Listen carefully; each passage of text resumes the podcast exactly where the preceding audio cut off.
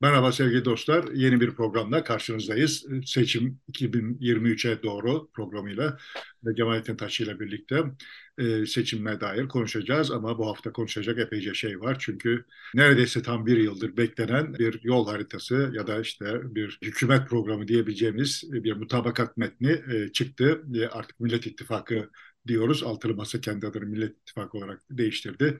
Millet İttifakı liderlerinin imzaladığı bir metin olarak ortaya çıktı. 240 sayfa, 9 ana başlık, 75 ara başlık, 2300 konuya da çözüm üreten, e, soruna çözüm üreten, e, bir cevap veren bir metin. Uzun bir metin. Bu bazı çevreler beklentileri e, karşılamadı diyor, eleştiriyor. Bazıları ise bu çok iyi, e, işte tamam üzerinde çok iyi çalışmışlar. Bu gerçekten büyük bir e, mutabakat metni ortaya konacak, uygulanacak programda çıkmış Haydin bakalım iktidara geliyoruz diyor. Kürt gazeteci arkadaşlarımızın, Kürt kökenli arkadaşların itirazları var. Hiç Kürt meselesi konuda geçmiyor diye. Ama onlarda da bir şey var. Yine de kulağa hoş gelen şeyler de var metinde diyerek tümden yabana atılması gereken bir metin değil. E, bazı yerlerinde bir, bir şey var. Biraz korkak ürkek ama olsun yine de bir işe yarıyor diyor. Biraz bunu değerlendireceğiz. Bunun arkasından Bahçeli'nin grup toplantısı oldu ertesi günü ve onun hemen arkasından da Kılıçdaroğlu grupta kararlı ve sert bir söylem tutturdu. Önce bu mutabakata çok esaslı bir önem atfetti. İleride demokrasi tarihini yazacak olanlar bundan bahsetmeden o tarihi yazamazlar diyerek e, bunun son derece önemli bir demokratik hamle olduğunu ifade etmiş oldu. Ondan sonra da Danıştay'la ilgili açıklamaları var ben Kemal geliyorum sesini duyacaksınız iktidara geldikten sonra deyip Beytülmal'e dokunanlara yönelik olarak hesap sorulacağını, helalleşilmeyeceğini, orada hesap sorulacağını, 418 milyar doların tahsil edileceğini, e, Danıştay'a bu meseleyle gideceğini de söyledi. Devlet Bahçeli evet. ise e, daha çok... Sayıştay'a. O Sayıştay'a, Danıştay'a değil, Sayıştay'a gidecek evet. Devlet Bahçeli kendi grubundaki konuşmasında ise daha çok e, kamuoyuna e, MHP tabanına ve ülkücü tabana seslendi. E, davadan dönene vururuz ruh haliyle konuştu diyebiliriz. E, bırakıp gidenler bizden değildir. İşte bıyıklarını kesip gidenler sırtınızdan atın. Zaten onlar burada fazladan bulunuyorlardı gibi diyen. Bir de muhtemelen şeyden de çok etkilendiği belli baraj altı kalma ihtimalinden. Ona karşı da Amasya'yı gördünüz mü orada muhteşemdik e, filan gibi e, daha fazla milletvekili çıkaracağız gibi laflar etti. Evet biz e, ben böyle biraz uzun e, girişten sonra mutabakat metni üzerine konuşalım. Muhtemelen sen e, biraz daha farklı e, bakacaksındır bu mutabakat metninin hazırlanma yöntemine, metoduna, biçimine ve içeriğine. Ben şimdi senin bu girişinin daha ilk, ke ilk kelimelerinde kaldım zaten bir neredeyse bir yıla yakındır beklediğimiz mutabakat metni gibi bir ifade kullandı. Yani ben çok şaşırdım. Ben hiç beklemiyordum yani. yani bize bundan işte yaklaşık bir yıl önce bir araya geldiklerinde şu, biz bir de bir mutabakat metni çıkaracağız. Zaten o olmazsa da seçime halel gelir falan gibi bir ifade yoktu. Bu mutabakat metni arada bir yerlerde birileri ya bir de mutabakat metni lazım falan dedi ben son derece basitçe soruyorum. Yani mutabakat metni eksik kalsaydı ne eksik olacak yani seçim, seçim için ne eksik olacaktı? Ben serbestiyette yazdım ya bunu. Sonuçta bir konkuritlik e, manejini andırıyor bu Millet İttifakı'nın e, seçim kavramı, stratejisi. Tam, tam anlamadım ben yazıyı okudum ama konkurit kavramını anlayamadım. Ondan neyi anlatıyorsun? Yani böyle bir yıl, bir yıl mania var atlanacak. Kasım'da şu mania atlandı, Aralık'ta şu mania, şimdi de işte bu mutabakat metni hazırlandı. Bunlar hep böyle manialar önümüzde. Yine bunların hiçbirisi olmasa böyle atla güzel güzel gezinseydik ve işte daha şık siyaset üretseydik daha iyi olacaktı gibi geliyor bana. Böyle kendi yarattıkları maniaları atlayarak ve işte her maniayı atladı, atladıklarını da ya şimdi bir dakika ne yapacaktık biz diye şaşırıp yeni bir mania dizayn edip Şimdi de işte 13 Şubat'ta şunu atlayacağız filan gibi bir geyik var. Yani şunu demeye çalışıyorum. Ben beklemiyordum böyle bir mutabakat metni. Bu altı kişi bir araya gelip işte seçim için işbirliği yapmaya yapacaklarının işaretini verdikleri anda ha şimdi bunların bir mutabakat metni hazırlaması gerekiyor gibi bir kanaat bende yoktu. Ama şeyde açıklamışlardı bunlar parlamenter sisteme geçecek. Tamam ya kendi, kendileri açıkladılar. Ha, tamam doğru. Yani, açıkladı. sonuçta, sonuçta bende mi böyle beklenti yoktu. Ve böyle bir şey bir ihtiyaç da değil. Yani dünyada ilk defa birileri bir araya gelip de işte bir otokratı devirmeye falan çalış, çalışıyor değil. Veya ilk defa oluyor bile olsaydı bu iş sonuçta bunun ille de böyle bir mutabakat metni de olması gerekir. Hangi konularda mutabık kalındığının deklare edilmiş olması da gerekir gibi bir şey de teorik olarak söylenemez. Aksine şimdi böyle bir mutabakat metni hazırladığın zaman nerelerde mutabık olmadığı da çıkar. Çok aşikar görünüyor ve bu nerelerde mutabık olunmadığı konusu mutabık olunan konulardan daha çok tartışılır. Yani nerelerde mutabık olunmadığı çok aşikar görünüyor. İstanbul Sözleşmesi konusunda mutabakat yok çünkü Saadet Partisi şerh koymuş besbelli. Kürt meselesi konusunda herhangi bir mutabakat yok. Kürt lafı yok yani. Koskoca metinde Kürt lafı yok. Çünkü İyi Parti işte muhtemelen şerh koymuş ve dış politika konusunda herhangi bir şey yok. Ama Dışa dokunu herhangi bir şey yok. İyi Parti Genel Başkan Danışmanı Ümit Özlale konuştu. O yüksek sesle kendine has bir de konuşma tarzı var. Çok da alkış aldı. Cem Karaca'nın sözleriyle bir şarkısındaki yoksulluk kader değildirle başladı. Orada mesela e, şeyi de İstanbul e, Anlaşması'na geri döneceğiz açıkladı ve Kürtlerle kucaklaşacağız sözünü de orada dedi Nazım Hikmet'e atıfta bulunarak bu bizim bir hasretimiz diyerek. Tamam şimdi bunların ikisi de arıza yaratacak. Ar arıza yaratıyor olduğu zaten görünüyor. Yani sonuçta niye bunları böyle irticalen söylüyoruz? Orada Saadet Parti temsilcisinin dediği gibi yani şey şehvetiyle kendimizden geçip de söylüyoruz da metinde yok madem. Yani bunlar aslında çok yani sonuçta altı partinin her konuda mutabık kalmasını bekleyemeyiz. Tabii o zaten. Tabii olarak. Zaten o zaman altı ayrı parti olmalarının manası kalkar ortada. Ama üzerine mutabık kalınmayan konular son derece hayati konular. Saraydan mı yöneteceğiz, Çankaya Köşkü'nden mi yöneteceğiz gibi tali bir mesele değil yani. Tamam yani sonuçta Kürt meselesi Türkiye'nin en hayati meselelerinden bir tanesi. Kadın meselesi, kadınların ısrarlı bir şekilde siyasallaştırmasının neticesi olarak son derece hayati bir mesele ve dış politika son derece hayati bir mevzu şu anda Türkiye'de. Ama mesela de, salon büyük bir salon. E, sen de görmüşsündür muhtemelen. 3100 koltuğa sahip. Orada e, en çok alkış alan e, söz Cumhurbaşkanlığının e, Çankaya Köşkü'ne taşınacak olması sözüydü. Bu, Bu da e, bir, bir hassasiyeti gösteriyor. Aslında sadece bir taşınma değil de e, eski usuller ve yöntemi değiştireceğiz manasına geliyor galiba. Şimdi tam da e, en şık noktalardan bir tanesi bu. Orada en çok alkış alan şey bu. Biz sokağa çıkalım ve insanlara soralım. Öncelikleri neler diye insanlara soralım bakalım. yani Çankaya Köşkü'ne taşınma. Ben Çankaya Köşkü'ne taşınılması taraftarıyım. O ayrı. De, derdim o değil. Derdim şu yani. İnsanların öncelikleri arasında bu ne kadar yer alıyor?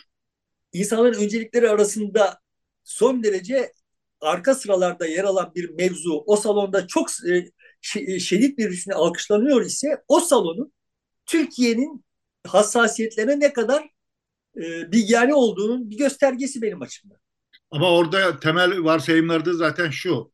Bu sistem geldiği için zaten o saraya ve Beştepe'ye taşınıldığı için bütün sorunlar kaynaklandı. Ekonomi de bundan, dış politikada bundan, güvenlik meselesi de buradan kaynaklandı. Biz sorunun temelini biliyoruz. Bu yönetim biçimini öncelikle değiştireceğiz. Ve ondan sonra da diğer konulara geleceğiz diyor. Onlarda da alkış aldı işte yoksulluk yolsuzluk üzerinden gideceğiz, yoksulluğu kaldıracağız dediklerinde de alkış aldı epeyce. Genel olarak alkışlanan, yani yoğun olarak alkışlanan konuların kamuoyunun gündemindeki konularda ciddi ölçüde kopuk olduğu kanaatindeyim. Evet. Ve bunun o heyetiyle kamuoyu arasındaki doku uyuşmazlığının bir göstergesi olarak okumayı tercih ediyorum. Öte, öteki tarafına geleyim mevzu.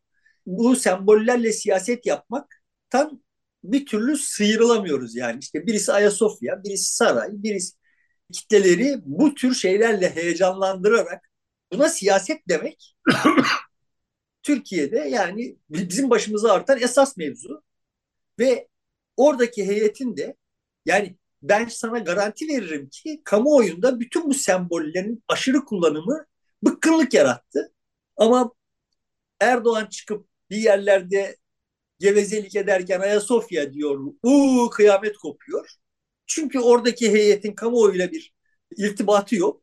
Kendi şeylerine, gündemlerine kilitlenmiş bir zavallı heyet o. Ve bu tarafta da işte Çankaya Köşkü dendiğinde aynı simetriyi doğuyor yani. Ve Burada ama yani bir, bir monoblok bir, bir yapı yok. Altı parti var. Yani üç ayrı akım, anlayış var e, burada diyebiliriz. Bir milliyetçi, bir muhafazakar, bir de işte seküler. Üç e, ayrı akım. Üçü de aynı şeyi alkışlıyor olması biraz diğerine göre farklılık arz ediyor. Bak ben tekrar söylüyorum. Biz şimdi kamuoyuna, sokaktaki insana seçimden sonra Millet İttifakı iktidara gelecek ve yeni Cumhurbaşkanı külliyede değil Çankaya Köşkü'nde ikamet edecek dediğimizde o tamam buydu de aradığımız beklediğimiz diye bir heyecan oluşuyor ise benim bir sorunum yok. Ben bunu görmüyorum. Benim ben kamuoyunda temas ettiğim insanlarda bunu görmüyorum. Benim derdim demeye çalıştığım şey şu. Semboller üzerinden bir şeyler söyleyip bunu siyaset zannetmek, zannettirmek hikayesi var. Siyaset yapamayanlar, siyaset üretemeyenler yani mesela Erdoğan siyaset üretemiyor ve bu sembollere sığınıyor.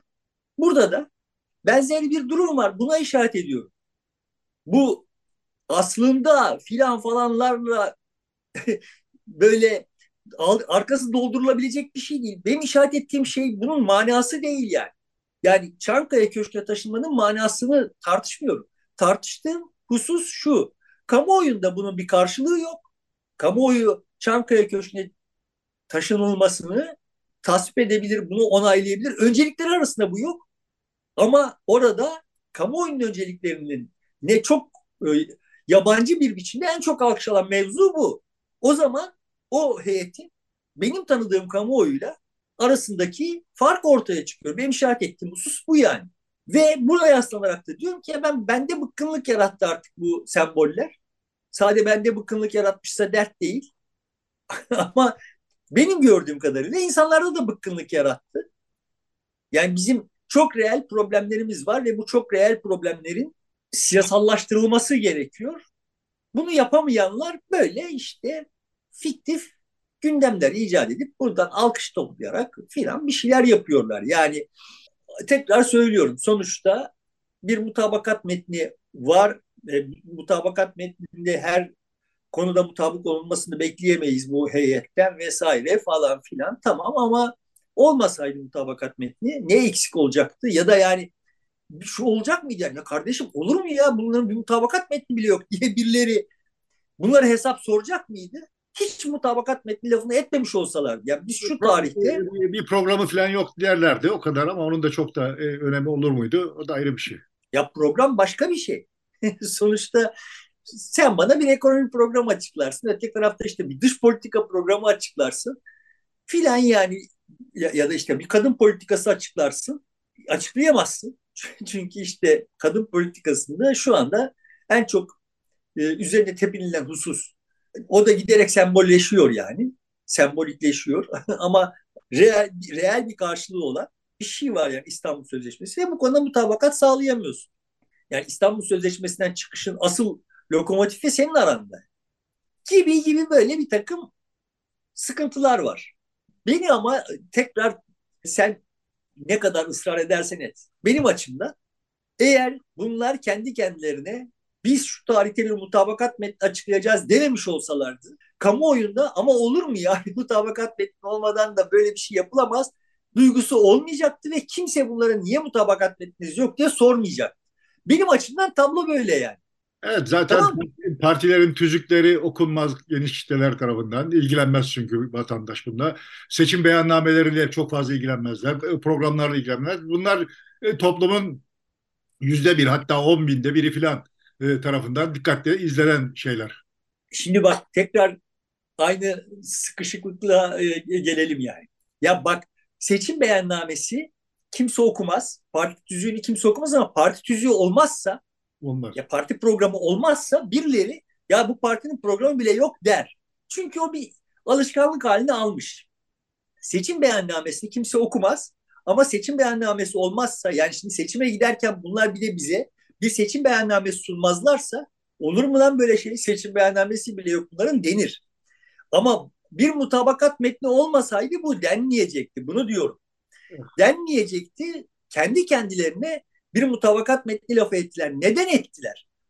Temel problemim benim burada. Neden ettiler? Çünkü asıl tartışılması gereken, asıl tartışılan şeyleri ertelemeleri gerekiyordu ve o ertelemek için de zaman geçirmek için de bir bahane gerekiyordu. İşte bilmem işte şu bahaneyi buldular, bilmem işte falanca bahaneyi buldular. Böyle bir de mutabakat metni bahanesi buldular. Çok çalışılmış. E bana ne yani? Yani benim kayın, rahmetli kayınpederim bana derdi yani. Çok çalışmak marifet değil, akıllı çalışmak marifet diye. Yani bir, bir şey kazanmıyorsan çok çalışmış olmanın bir manası yok. Çok çalışılmış. Evet yani çok çok çalışmışlardır. Şimdi hikayenin diğer boyutuna gelin. Çok çalıştılar. Ya çok çalışmasınlar, bizi çalıştırsınlar. Kardeşim marifetli adam odur. Yani kamuoyunu çalıştırsınlar.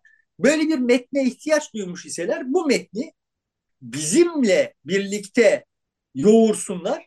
Biz bu metnin sahibi hissedelim kendimizi. Dolayısıyla bu metne bir zarar verecek bir davranış olduğu zaman da onu muhafaza, muhafaza etmek üzere ortaya atılalım. Neden bizim dahil etmiyorlar? Çünkü metne kendileri de sadık kalmayacak. Yani dolayısıyla sadık kalmadıkları zaman bizim hop ne oluyoruz dememize de mani oluyor. Çünkü sahipsiz bir metin yani. Biz bunu biliyoruz. Onlar biliyorlar. Böyle işte bir avara kasnak dönüyoruz. Ne oluyor sonrasında? Senin işaret ettiğin gibi birileri ama çok iyi çalışılmış ama işte bak şuna da değinmişler filan falan gibi bir duygu boşalması oldu muhalif kamuoyunda. Hiç tahmin etmediğim insanlarda oh oh ne güzel bir mutabakat metnimiz oldu duygusu diyelim oldu. En azından beyanları buna işaret etti. Bende kalan hikaye şu. Oh ulan şu bu maniayı da atlattık kazasız belasız. Şimdi artık adayı açıklarlar. Yani be, be, kamuoyunun asıl derdi bence yanlış olarak adayın açıklanması ya ben, bu yanlış bir beklenti benim kanaatimce. Ama kamuoyundaki beklenti bu. Bu yaratıldı. Buna mani olunamadı. Böyle bir beklentinin oluşmasına mani olunamadı vesaire. Şimdi her maniayı kamuoyu bu gözle bakıyor. Tamam şimdi bunu da atlattık adayı açıklayın. Ya şimdi bunu da, bunu da bitirdik hadi tamam. Aslında kimsenin okuduğu yok. Zaten okuyamaz bu kadar şey içinde. Vahim olan şey şu şimdi işte fontları işte formatı vesaire. Kardeşim bak bu dijital bir ortamda yaşıyoruz. Bunu bu metni yap, bu metin veya başka bir metni yapıyor iseniz bunu işte e, hypertextle falan falan bir yerden bir yere yani Atatürk Havalimanı'ndan ulaşma sen Atatürk Havalimanı hakkında yaptığın laftan bir ulaşma transfer olabilmemizi sağlayacak şeylerle yap bari mesela. Yani son derece 20. yüzyılda kalmış bir formatı da var ilaveten. Hani böyle bunları eleştirmek için eleştirmek anlamında söylemiyorum. De, demeye çalıştığım şey aslında böyle çok ekstra yoğun çaba harcanmış vesaire falan falan denen şey orada çok küçük bir zümrenin yani ben sana garanti veririm ki mesela İyi Partili milletvekillerinin büyük bölümü CHP'li milletvekillerin büyük bölümü bu metinde metin yayınlandığında yani dün önceki gün haberdar oldu. Ya bu metinde şöyle bir şey de olması gerekir ha deyip de bir uyarıda bulunmak CHP'li milletvekillerinden bile sakınıldı. Nerede kaldı benden ya? evet. O son dönemde Türkiye'de siyaset yapış biçiminin bize getirdiği bir nokta. Bütün siyasi partilerde benzer şeyler var. E, dolayısıyla Millet İttifakı'nın içerisinde de aynı şey var. Bir de hani bozulmasın, başkaları araya girip de müdahale etmesinler diye bir de ekstradan daraltıyorlar e, çalışma kadrolarını ve dışarıya bilgi aktarmıyorlar. Dediğin gibi doğru mu? Değil, yanlış. Hayır, burada şu var yani benim açımdan. Ben senin yorumladığın gibi teknik olarak yorumlamadım. Ben yanılıyorumdur bir ihtimal. Yani bu alışkanlığın arkasında şu da var. Kardeşim yani uzmanlığa saygı gösterin. Ya da işte hiyerarşiye saygı gösterin.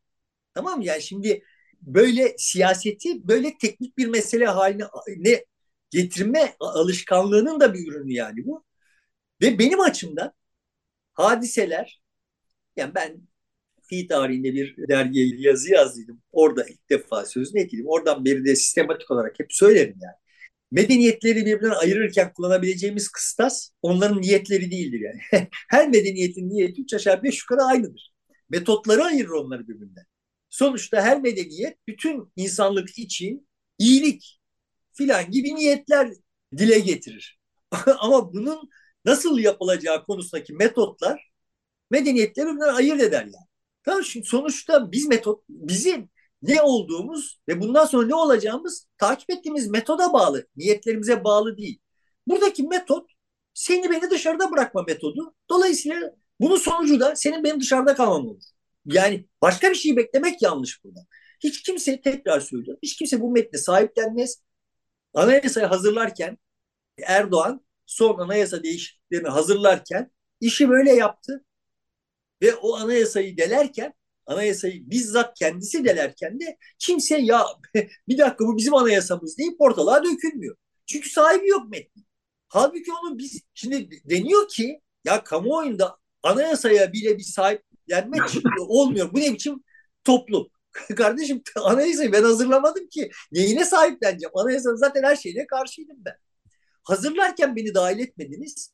Müdafaa edileceği zaman ilk önce beni çağırıyorsunuz. Ya böyle bir dünya var mı?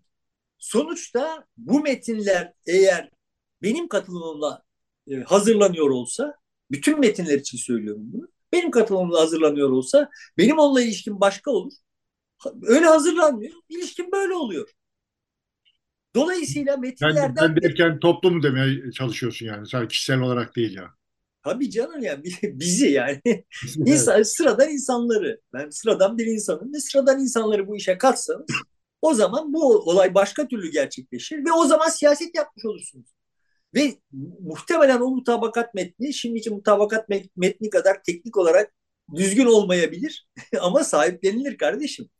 Şimdi bunları tartışmıyoruz biz ve neyi tartışıyoruz? İşte öyle şurada şöyle bir toplum var o muhafazakar işte şurada şu. Ya kardeşim bunlar bunların hepsi lüzumsuz bahisler yani bizim gerçekliğimizi açıklayacak şeyler değiller. Bizim gerçekliğimizi açıklayacak esas şeyler aha işte orada böyle seçkin bir zümre, kendisinde çok aşırı kıymet vehmeden bir zümre ya da bizim onlara çok ciddi bir kıymet vehmetmemizi gerektiğini bize dayatan bir zümre bizim adımıza bir şeyler yapıyor, çok çalışıyor, çok terliyor ve bunun mukabilinde de aa filan deyip alkışlayacağız. Siyaseti bir teknik mevzu, bir uzmanlık alanı halinde algılıyorlar. Sıkıntı burada yani.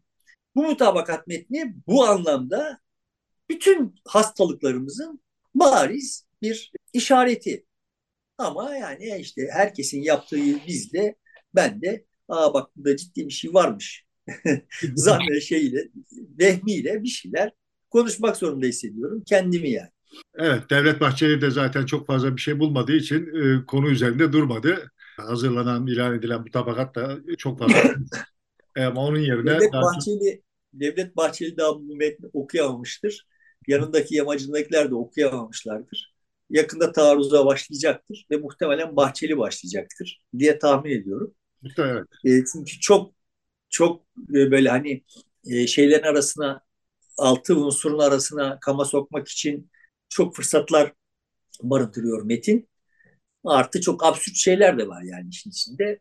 Yani mesela Atatürk Havalimanı yeniden açmanın manasını kavrayabilmiş değil mi? Yani sonuçta İstanbul'un hava trafiği İstanbul Havalimanı artı e, Sabiha Gökçen'le misli misli karşılanabilecek durumda. İşte Atatürk Havalimanı'nı açtığın zaman buradan yine sembolik ol, e, olanın dışında ne kazanmayı bekliyorsun? Yani üstelik bir de işte metro bağlantısı falan filan da yapılmış. Yani sonuçta yanlış bir proje İstanbul Havalimanı projesi. Sonuna kadar katılıyorum ama orada var artık yani. Yani sen şimdi İstanbul Havalimanı varken Atatürk Havalimanı açtığın zaman memleketin e, yanlış kararlarla inşa edilmiş olan bir kıymetini azaltmış olacaksın. Yani bu bunda bir mana yok yani. Sonuçta, sonuçta yanlış da olsa o bizim artık. Onu eski haline getirip oraya harcadığımız parayı gerisi, geri, geri alma şansımız olsa tamam yapalım. oraya o para harcandı yani. O kaynaklarımızı oraya transfer ettik. Bizim kendi kaynaklarımızı oraya transfer ettik ve orada öyle bir absürt bir şey var artık yani. E şu anda Atatürk Havalimanı zaten kargo olarak kullanılıyor. Bir de özel araçlar inip çıkıyor zaten. E, onlar kullanıyorlar. Bir kısmını millet parkı yapmak için e, çaba harcadılar ama yine de bir havaalanı olarak kullanılıyor. Muhtemelen. Yani o zaman şimdi Atatürk Havalimanı'nı açmak, ulaşımı açmak gibi bir başlığa lüzum yok. Senin baktığın yerden bakırsan. Ka kasteden bu değil. Yani bunun gibi böyle birçok absürt şey var yani metnin içinde. Birbirini tamamlamayan unsurlar var. Ama işte zaten de sonuçta tekrar yani senin dediğin noktaya geleyim. Yani sonuçta seçim beyannameleri açıklanır. Kimse bunlara sahip çıkar mı? Çıkmaz. Kimse bunları okur mu? Okumaz. Neden? Çünkü yani o seçim beyannamelerini zaten yani 10 tane Türkiye Türkiye'den 10 Türkiye yapmak vaat edilir yani. Ya yok öyle kaynaklarımız bizim. Bunların hepsini yapacak kaynaklarımız yok bizim. Evet onlar yapacak. E şimdi kısaca Bahçeli'nin konuşmasını ben şöyle e, değerlendirdim. İçerideki bu Sinan Ateş'in e, öldürülmesinden sonra yaşanan sıkıntıları nasıl atlatırız diyen ve herkesi yanında tutmaya çalışan ve bunun içinde daha sert bir tutum yani bizden giden den hesap sorarız. Bir daha bizim aramıza gelemez. Bıyık kesip gidenleri zaten sırtınızdan atın e, burada sessiz kalanları da bizden saymıyoruz. Şimdi bir konuşma zamanı falan diyerek safları sıklaştırmaya yönelik bir şey e, yapıyor. İşte 3000 şehidimiz var, ülkücü şehidimiz var falan dedi ama Sinan Ateş'ten hiç söz etmedi. E, o ülkücü bir şehit sayılmıyor doğal olarak Bahçeli nezdinde. E, bu onun ötesinde bir de e, Cumhurbaşkanı'nın adaylığının e, bal gibi, buz gibi geçerli olduğunu, 14 Mayıs'ta seçimi kazanacağını, MHP'nin de misliyle kazanacağını, daha çok milletvekili çıkaracağını, bu anketçilerin zaten hep yanlış şeyler söylediğini, uluslararası bir takım komplo teorilerinin de onlarla birlikte hareket ettiğini falan söyleyerek Amasya'daki mitingi öne çıkartıp bizim oyumuz falan düşmüyor, yukarıdayız daha çok milletvekili alacağız diyen bir konuşma yaptı. Ben biraz telaş gördüm konuşmada. yani telaş, öfke, çaresizlik, çaresizlikten kaynaklı şirretlik hepsi var yani. Kendisi bıyıksız adam bıyıkları kesenlere de laf edip duruyor. Şimdi Bahçeli'yi ben ciddiye almaya değer bir unsur olarak görmüyordum. İyice artık zaten oradan çıktı. Yani böyle işte şairane şairane lafları köprerek söyleyip duran bir adam. Ama işte lafına kıymet vehmedildiği için hep böyle bir şey olmuş gibi göründü. Yani aslında işte şimdi göründü. MHP'nin oy oranı hakkında yani işte bu birkaç gün anketler yayınlanacak herhalde. Orada göreceğiz ne kadar güvenilirse anketler ama benim hissiyatım bende kalan hissiyat benim temas içinde olduğum MHP'lilerde çok ciddi bir memnuniyetsizlik var. Yani sandığa gitmemeleri hiç şaşırtıcı olmayacak benim gördüğüm kadarıyla. Seçime kadar şartlar nasıl değişir bunları bilmiyorum. Şimdi ama burada bu uluslararasılık meselesi ne gelelim. Yani görünüyor ki dünyada Erdoğan'ın bu seçimi kazanacağı kanaati de kazanırsa bizim için iyi olur. Yani Türkler için değil yani. Türkiye Cumhuriyeti vatandaşları için değil. Onlar için iyi olur. Kanaati de çok baskın. Yani Almanya'da da böyle, Amerika'da da böyle, işte İsveç'te de böyle, İran'da da böyle. Rusya zaten. Herkes Rusya, Rusya zaten. Herkes, ya belki Esat hariç, herkes Erdoğan'ın kazanmasını istiyor ve kazanması ihtimali daha yüksek görüyor. Şimdi bu şartlar altında böyle dünya bize karşı masalının bozulamıyor olması, yani muhalefet tarafından bozulamıyor olması çok acıklı. Bu yeni bir hikaye değil. Aslında uzun süredir devam eden bir hikaye. Ama buna rağmen uzun süredir devam ediyor ve çok göz önünde devam ediyor olmasına rağmen muhalefet tarafından bu hikaye, hikaye bozulamıyor. Muhalefetin aslında çözmesi gereken problem iki tane problem var. Yani birincisi uluslararası planda ya kardeşim bak bu adam bu kadar gebe kalmanıza lüzum yok. Hani ondan sonrası belirsizlik değil. Yani ondan sonra ne yapılacağı belli. Bak şunlar yapılacak. Hani size buradan zarar görmeyeceksiniz. Bu adamın arkasına durmaktan vazgeçin deyip uluslararası planda bir güven inşa etmesi gerekiyor. Bunu yapamıyor. Yapmaya niyet bile etmiyor gibi görünüyor. İkincisi de içeride mevcut heyetin aslında yurt dışı destekli olduğunu deşifre etmesi gerekiyor. Bunu da yapmıyor. Yani bu konuda da bir herhangi bir çabası yok.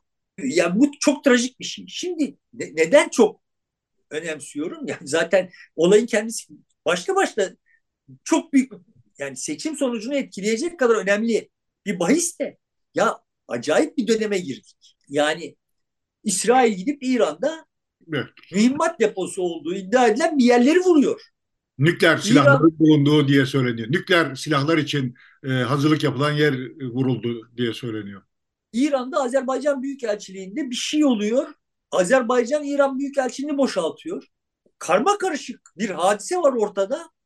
Kimin eli kimin cebinde, kim kiminle aşık atıyor bilmiyoruz. Orada bir tane manyak Netanyahu, burada bir tane manyak İran, şurada bir başka manyak Putin filan falan bunlarla kuşatılmış durumdayız.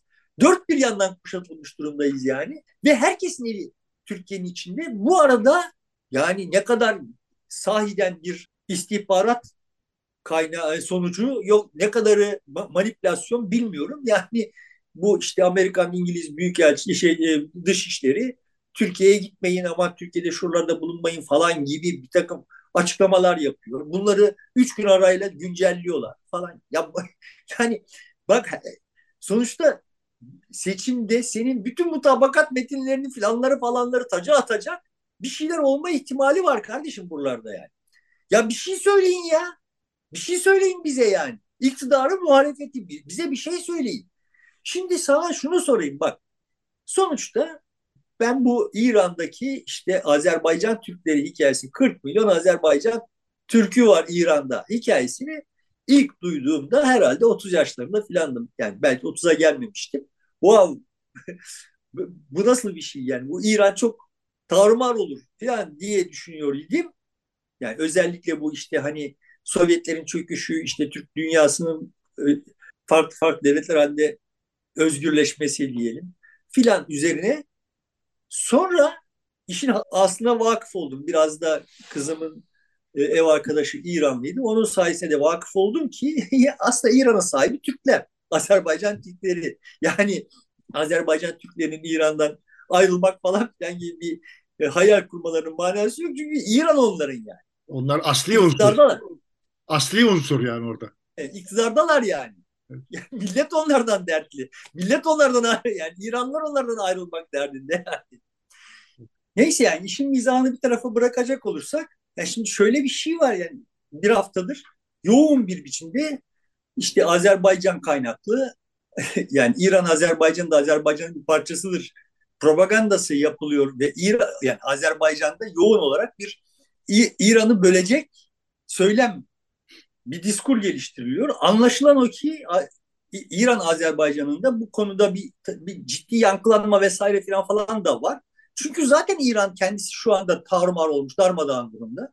Ve bu darmadağın olmuş İran'ın kendisini vuran İsrail vurma imkanı da pek yok. Ama bizi vurma imkanı var. Yani şimdi bu absürt şeyi birbirine çok dağınık. Absürt hikayeyi şöyle bağlayayım yani ben. İsveç'te manyağın, manyak bir Danimarkalı gidip Kur'an yakıyor Türk Büyükelçinin önünde. Buna karşılık olarak bak Batılılara karşı Türkiye'de absürt şeyler olabilir diye Amerikalılar, İngilizler kendi vatandaşlarını uyarıyorlar.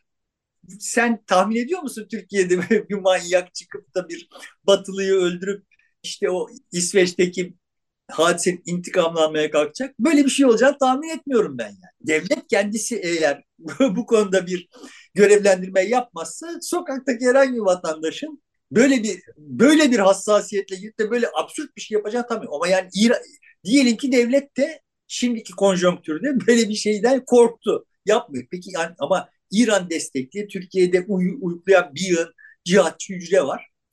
Yani bunların bir tanesi bir Türk'le işbirliği halinde böyle bir şey yaparsa söz temsili. İşte Amerika, Başımıza gelecek. Amerika ve İngiltere'nin de uyarısı zaten tam da bu, bu sebepten kaynaklanıyor. Bunu da uyarılarını belli ediyorlar yani. Bu Kur'an yakma olayından sonra Türkiye'de karşı eylemler artabilir özellikle kalabalık yerlerde diye. İşte tamam yani onların uyarıları bu ama benim gördüğüm kadarıyla dediğim gibi devlet bu işi kendisi yapmazsa yani, yani görevlendirmeyle Türkiye'de kamuoyunun böyle bir intikam alma derdi yok.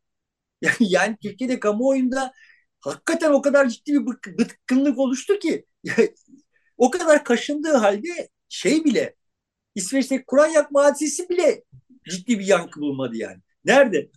O da bulmadı. Yani, anayasa değişikliği, başörtüsü konusundaki anayasa değişikliği de hiçbir yankı bulmadı mesela. Hiçbir şey bulmuyor yani. O vesileyle birbirinin çarpan etkisiyle artırabilirdi ilgiyi e, ama o da olmadı. Tam tersi sönümlendirdi. Şimdi dolayısıyla ama tekrar söylüyorum yani buradan böyle bir şey çıkmaz Türkiye'den ama Türkiye'den İran istihbaratı böyle bir şeyi çıkartıp sonuçta Türkiye'yi Batı karşısında yalnızlaştırıp Azerbaycan'a vereceği desteği güçsüzleştirip ya şimdi Türkiye Azerbaycan nasıl dayılanıyor? Arkasında Türkiye var. Türkiye nasıl dayılanıyor? Batı Paktı'nın bir parçası. E şimdi buraya bir kama soktun. Türkiye'nin başını belaya soktun. Türkiye'nin başı belaya girdiği için Azerbaycan'a desteği zayıfladı filan falan. İran sadece kendini rahatlatmak için böyle bir iş yapabilir. Tamam yani ve ya da Rusya İran şapkasıyla böyle bir iş yapabilir. Ve sonrasında senin yani seçim için yaptığın bütün çabalar sıfırlanır. yani sıfır yani yepyeni bir zeminde bambaşka bir hesaplaşma olur. Oradan mevcut iktidar karlı çıkar, kazançlı çıkar manasında bir şey söylemiyorum. Herkes ne yaptıysa ona bağlı olarak değişir. Ama son tahlilde bizim asıl tayin edici işinde bulunduğumuz seçim satım halinde asıl tayin edici olan şeyler bunlar. Ve gördüğüm kadarıyla yani bu konularda söyleyecek sözü yok yani muhalefet. İktidarın zaten yok da iktidar işte dediğin gibi işte Bahçeli ağzından dış müdahale lagalugaları yapıyor. Yani ne dış müdahalesi yapılan bütün dış müdahaleler sizin lehinize. Yani herkes sizi satın almış durumda zaten yani Amerika'sından Rusya'sına kadar. Güya sokakta birbirini dövenler sonuçta Türkiye'de Erdoğan iktidarda kalması için mutabıklar. Onların da kendi mutabakat metinleri var yani. Tek maddelik bir mutabakat metni var. İlan edilmedi henüz ama. Ya iki, mesele zaten ilan etmek değil, yapmak. yani evet, sadece konuşuyorlar. Adamlar yapıyor. Öyle bir e, risk var. E, bir de, de mesela Irak'ta da KYB ile işte Barzani'nin ekipleri arasında da bir e, çatışma noktasına kadar gelinmişti Taliban Barzani grupları. Sulha doğru gidiyorlar ama her anda bir şey olabilir. Öyle bir sıkıntı da var. Tam bu işler olurken mesela Erdoğan bir açıklama yaptı. Dörtte bir zirveyi yapabiliriz diye. Rusya da aynı şeyi söyledi. E, Rusya, Türkiye, Suriye, İran olarak. Çünkü İran Dışişleri Bakanı geldi. Biz bu işin dışında olmak istemiyoruz. Suriye'den dışlanmak istemiyoruz diyen bir görüşme e, silsilesi yaptı Türkiye ile. E, dolayısıyla İran da işin içerisine girmiş oldu. En azından Rusya'da İran'ı dahil etmeye çalıştı işin içerisine. Dolayısıyla bölgede bir karışık. Zaten Netanyahu dediğin gibi içerideki şiddeti olabildiğince arttırıyor. Kendi iktidarını ayakta tutabilmek için yargı sistemini de değiştiriyor. E, kendisini rahatlatacak şekilde. Şimdi de vatandaşların silahlanma hakkını Amerika'dakinden daha ileri bir boyuta taşımak için, değişiklik yapmak için çaba harcıyor. Ha ben şimdi bu dış politika meselelerini konuşmakta yani bu programın konusu seçime doğru olduğu için bu dış politika meselelerini konuşmak derdi değil. Ben burada işaret etmeye çalıştığım gündemi değiştiriyor zaten evet. Türkiye'nin seçimine müdahale muhtevası taşıyacak işlerin olması için her her şey var. Bütün şartlar var. Türkiye'nin aksını kaydırmak için yani bu seçim marifetiyle Türkiye'nin aksını kaydırmak isteyen herkes elini kolaylıkla Türkiye'nin içine sokabilir ve herkes sanki bir yandan böyle dünyanın dört bir yanındaki insanlar da bu yani Netanyahu işte orada Filistinlilere absürt işler yapıyor işte manyağın biri gidiyor İsveç'te Kur'an yakıyor filan falan hani sanki bütün hikayeler de böyle Türkiye'nin seçimini karıştırmak içinmiş gibi oluyor yani. İran'ın kendi iç karışıklıklarını ihraç etmesi için daha tarihinde söyledim yani. Ben İran'da karışıklık çıkınca aklım çıktı. Ah şimdi bunlar kendi iç karışıklıklarını Türkiye'ye ihraç etmeye kalkarlar diye. Ve bunların hepsi seçim açısından son derece tayin edici. Şimdi orada şunu görmek ve işte bilmek istiyorum yani muhalif bir özne var ise kardeşim endişelenecek bir şey yok yani Türkiye daha ne imtihanlardan geçti. Biz bütün bunlara hazırlıklıyız. Filan duygusu uyandıracak. Ha, evet tamam bunlar bunları düşünüyorlar. Bunlar hakkında kafa yoruyorlar. Bunlar farkındalar. Boş ver düşünüyorları kafa yoruyorlar. Aa farkındalar neyle muhatap olduğumuzun duygusunu uyandıracak bir şey bekliyorum yani. Ama Siz mutabakat metni bekliyorsunuz. Ben bunu bekliyorum. Sizin istediklerinizi yapıyorlar. Benim istediklerimi yapmıyorlar yani. Şimdi tabii Netanyahu'nun gelişiyle işte daha tehlikeli. Netanyahu ile Putin arasında çok yakın ilişki var. Türkiye'de içeriği karıştırmak konusunda her an e, yani iktidar lehine e, olacağını tahmin ederek karıştırmak için ellerinde potansiyelde var, imkanda var. Bunu ya kendileri yapar ya İran üzerinden yapar ya da başka unsurları da kullanabilirler. Yani işte şimdi Netanyahu zaten bir başlı başına bir şey yani kara delik. Onun varlığı zaten bölgedeki her şey her şey kaygan bir zeminde olmasına yol açıyor. Ama zaten o olmasaydı da zemin çok kaygandı yani. İran'ın iç işlerinden tut da Putin'in Ukrayna Savaşı'na kadar her şey zaten herkesi yani diken üstünde olmayan bir tek şey yok. Siyasi aktör, siyasi iktidar yok yani bölgede. İran diken üstünde, Azerbaycan diken üstünde, Rusya diken üstünde, Ukrayna diken üstünde, Mısır diken üstünde, İsrail diken üstünde, Suriye diken üstünde yani. Herkes diken üstünde ve herkes her şeyi yapabilecek. İktidarı sürdürebilmek için her şeyi yapabilecek durumda. Ve bunların çok büyük bir bölümünün kimisinin Türkiye üzerinde yani mesela Putin'in Türkiye üzerindeki gücünü artırabilmek için Erdoğan'la iş, e, işbirliğine ihtiyacı var. Netanyahu'nun da burada Erdoğan olduğu durumda kendi iktidarını güçlendirecek. Meşrulaştırmak şansı yüksek. Yani zıt kutuplar yani nasıl Erdoğan için işte orada Netanyahu varken burada kendi kitlesini hareketlendirmek daha kolaysa e, Netanyahu içine benzer bir durum var. Dolayısıyla dediğim gibi her şey iç içe geçmiş durumda ve herkes istikrarsız. Bütün aktörler istikrarsız. Şimdi bu şartlar altında bize böyle çok naif yorumlardan fazlası lazım. Öyle değil mi yani? Yani evet. bu, muhalefetin bir mania kalktıktan sonra öbür mania olarak da dış politikayı önlerine getirebilirler. Orada ne yapacağını. Gerçi bu metinde bir var. Yoksa sulh, cihanda sulh gibi e, çok bildik beylik e, bugüne kadar çok tekrarlanmış bir cümleyi bir politika olarak yeniden hayata geçireceğiz diyorlar. Yani şimdi İran'a nasıl sulh götüreceklerini de anlatırlarsa yani e, Suriye'ye nasıl sulh götüreceklerini anlatırlarsa, İsrail'e nasıl götüreceklerini, Rusya krizi nasıl çözeceklerini anlatırlarsa evet yani ben de bu şeye cümleye katılayım. Yani ben tekrar söyleyeyim aslında bunun için bunlar için herhangi bir çözüm önerileri vesaire olmamasını anlay anlayışla karşılıyorum. Ben, ben farkında olduklarını hissetmek istiyorum. Bak büyük bir belanın içindeyiz yani. Şimdi bırak farkında olmayı İran'da aylardır bir protesto sürüyor. Gençler başörtüsünü çıkarmak için mücadele ediyorlar. Türkiye'den ne iktidar ne muhalefet bununla ilgili bir açıklama yapmadı. Mesela pazartesi günü Peşaver'de e, bir cami e, bombalandı intihar bombacısı tarafından. Çok sayıda polis olmak üzere işte 30'dan fazla kişi öldü, 150'den fazla kişi yaralandı. E, işte Pakistan Taliban'ı yaptı diyenler de var ama henüz hiç kimse üstlenmedi. Bununla ilgili ne oluyor bölgede, nereye gidiyor diyen bir laf eden ne iktidardan ne muhalefetten hiç kimse yok. Dolayısıyla kör sahar gibiyiz biraz. Ya şimdi iktidarınkini anlayabiliyorum yani. İktidar şimdi neye dokunsa cız. Şimdi İsveç'te manyağın birinin Kur'an yakmasına laf etse yani bunu böyle çoğu köpürtemediler. Köpürtmeye de kalkmadılar gördükler. Çünkü köpürtseler yani işte başka bir taraftan bir diken batıyor bir yerlerine. Yani çünkü ya sen şimdi orada İsveç'te birisi Kur'an yaktı diye köpürteceksin. Ulan Çinliler Uygur bölgesinde camileri yıkıyorlar.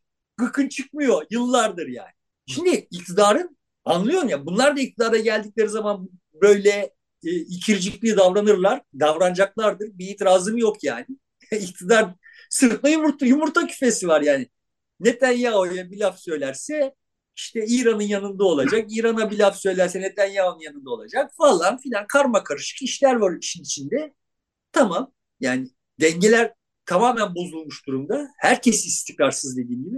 İktidarın suskunluğunu ya da işte böyle geçiştirmesini anlayamıyorum kardeşim. Siz muhalefetsiniz ya. Ya siz niye susuyorsunuz İran'da olup biten hakkında ve İran'da olup biten üzerinden muhalefet yapmanın son derece elverişli olduğu bir durum senin işaret ettiğin gibi. Yani sen şimdi kadın meselesi ne işte gündeme getiriyorsun. Orada bak kadınlar hareketlenmişler ve sen Türkiye'deki kadınlarda ya bak ulan bu adamlara biz bir dönem daha iktidarı verirsek hani başörtümüz vesaire filan falan üzerinden bunlar bizi İran'daki gibi mallaştıracaklar. Korkusunu uyandırabilirsin söz temsili.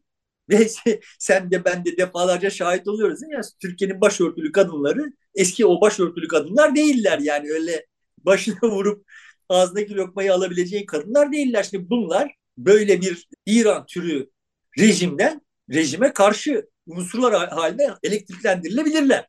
Ama şimdi bunlar yapılmıyor. Yani bunlar yapılmıyor. Hiçbir şey.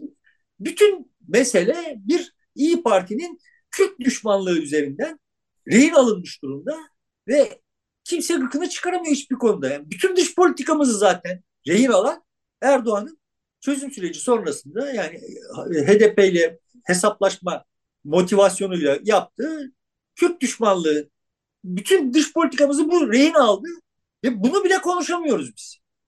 E konuşmuyorlar. Yapacak bir şey yok. E, muhalefet... Mutabakat metni hazırlıyorlar ne güzel. Ya. Evet. Çok çalışıyorlar. Onun şeyi yok. Ama bugün Bahçe şeyinde bir konuşması vardı. Kemal Kılıçdaroğlu'nun bir salı günü grup toplantısında Bahçeli'den sonra. En sonunda işte hani mutabakat metni üzerinde falan da durdu. Bu çok önemli, çok iyi işler başardık, geliyoruz falan gibi.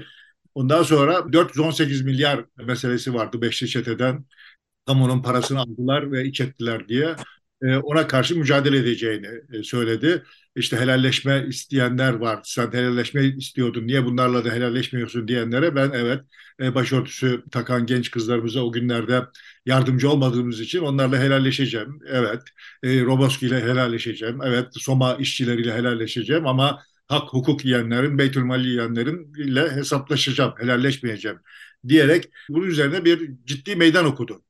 Yani bir e, Sayıştay'a gideceğini söyledi. Bir Sayıştay meclisi denetliyor. Bütçenin nasıl harcandığını me meclis adına Sayıştay denetliyor yürütmenin bütçeyi nasıl harcadığını. Bununla ilgili rapor hazırlamanızı bekliyorum. Bu 418 milyar nerenin olduğu raporunu görmek istiyorum. Eğer bu raporu görmezsem e, sizi yakarım dedi. Çok sert bir şekilde bunları yani bürokrasiye yanımızda olun e, anlamına gelebilecek bir mesaj da aktarmış oldu. Onun ötesinde de işte bu Beytülmal yiyenlere e, iktidara geldiğinde bürokraside olsun ya da dışarıda olsun beş çete gibi e, bir telefon çalacak uzun uzun açtıklarında ben Kemal geliyorum sözünü duyacaklar diyerek yani ben hesap soracağım sizden helalleşmeyeceğim mesajını kuvvetli bir şekilde vermiş oldu. Dış politikadaki hani gelişmelerle ilgili herhangi bir şey beklerken o tam tersi iç politikadaki bu konulara yoğunlaştı son grup konuşmasında. Ya bunlar sıraya konacak şeyler değil. Ve yani dış politikada bunları bekliyorum derken iç politikada bunları erteleseydi manasında söylüyorum. Bunlar doğru şeyler. Burada bu doğru şeylerin bir sistematiği olmaması, bir hikayesi olmaması üzerinden yani bize sonuçta demiş oluyor ki Kılıçdaroğlu senin işaret ettiğin şekliyle ya bak burada Beytülmal'e el koymuş olanlar var, hırsızlık yapanlar var. Bunlara hesap soracağım. Şimdi bu güzel çünkü hani kamuoyunda varsayabiliriz ki hırsızlık. Ona yani ondan da o kadar emin olmamak gerekiyor. Çünkü geçen galiba politik yolda galiba yanlış hatırlamıyorsam bir yazı yazmış. Hani içeriden bir yazı. Diyor ki yani bu muhafazakar denen kesimde işte yolsuzluk eğer bizimkiler tarafından yapılırsa yani işte hizmet manasına gelir. Karşı taraf tarafından yapılıyorsa işte düşmana kaynak aktarmak manasına gelir. Yani evet yani sonuçta şimdi o kadar da böyle çok da güvenmemek gerekiyor bu tür kavramlaştırma. Bunu hikayelendirmek gerekiyor. Bak senin bugünkü yoksunluğu aha işte bu çalınmış olan paranın sonucudur ve bu aslında senin zannettiğin gibi hizmete gitmedi filana filan diye yani bir büyük hikayenin içinde anlatılması gerekiyor. Şimdi Kılıçdaroğlu evet senin dediğin gibi daha önce de defalarca dediğin gibi böyle şık çıkışlar yapıyor işte. Gidip de bilmem neyin kapısına dayanmak türünde. Bunların hepsi hikayesiz. Yani tekil, teknik şeyler olarak kalıyor. Yani, yani bu hikaye eksikliğini vurgulayıp duruyorum. Çünkü siyaset bunun üzerinden yürür. Ama yani belki bu maniayı da atlattıktan sonra, 13 Şubat'ı da atlattıktan sonra bir de bir hikaye yazma ihtiyacı hissederler. Aday açıklarken filan bilmiyorum. Yani işin de çok da teknik sınırı sıkıntısı da var. Yani bir de işin biz şimdi bunları konuşuyoruz ediyoruz da yani arkada asıl kavga şeyde kopuyordur yani milletvekili aday listelerinde. Biz bunları konuşuyoruz. Niye dış politika konuşmuyorlar, niye bu hikayesi yazmıyorlar? Onlar, onların işleri çok yani. Öncelikleri farklı şu anda. Yani ha, haliyle. Dolayısıyla o o kavga da ne, ne, yani bize neleri getirecek, neleri götürecek bilmiyoruz. AKP'nin içinde de şey var işte bu işte üç dönem meselesi yüzünden milletvekili olamayacak olan anladığım kadarıyla ciddi bir nüfus var. Gerçi CHP'de, kadar bunları... de var. CHP'de de var. Meğersem CHP de üç dönem kuralını uyguluyor imiş. Yani o CHP'deki üç dönem üst üste merkez yoklamasıyla gelemiyorsunuz. Zaten CHP'de son dönem 3 yıldır merkez yoklamasının dışında bir seçimde olmadı. Yok arada şey oldu ya bir son seçimden önceki seçimde bayağı bir kısmi yerlerde yaptılar. Hepsinde değil. Kısmi olarak hepsi her yerde yapmadılar da hani ama bayağı bir yerde yaptılar diye hatırlıyorum. Yani zaten sıkıntı burada şimdi. Sen böyle bir takım kurallar koyuyorsun sonra kendin çiğniyorsun. CHP'de bunu çiğnemenin yolunu bulacak. Erdoğan da bunu çiğnemenin yolunu hep buldu. Ayrıca da e, böyle kitle halinde milletvekilleri de, değiştirme sürecini de iyi yönetti. Yani, yani eski milletvekillerini kırpıp kırpıp bakan yardımcısı, büyükelçi falan filan yaparak bu süreci iyi yönetti. Şimdi de benzeri işleri yapabilir, becerebilir yani bilmiyorum. Ama her halükarda asıl Ankara'da kaynıyor olan kazan muhtemelen bunun etrafında dönüyor. Oradan bir takım çatlaklar çıkması da çok şaşırtıcı olmaz. Muhtemelen çıkar ama e, çatlak bölünmeye yol açmaz. Çünkü alternatif yapabilecek, üretebilecek zaman da kalmadı. Öyle bir potansiyel de yok. Bireysel e, tepki gösterilip ayrılabilirler belki partiden kendi haklarını elde edemeyen ama iktidar umudu olduğu sürece gene ayrılmazlar, beklerler. Bu partiyi kaybettik ama ondan sonraki e, şeyde parça alabiliriz. Yukarıda bir başka oyuna girebiliriz diye de bekleyebilirler diye tahmin ediyorum. Şimdi biz hep tabii Millet İttifakı'nı konuştuk, mutabakatı konuştuk da iktidar açısından da e, işlerin o kadar kolay olmadığını e, varsaymak gerekiyor, görmek lazım. E, bu 6 yaşındaki işte kız çocuğunun evlendirilmiş olmasının davası görüldü.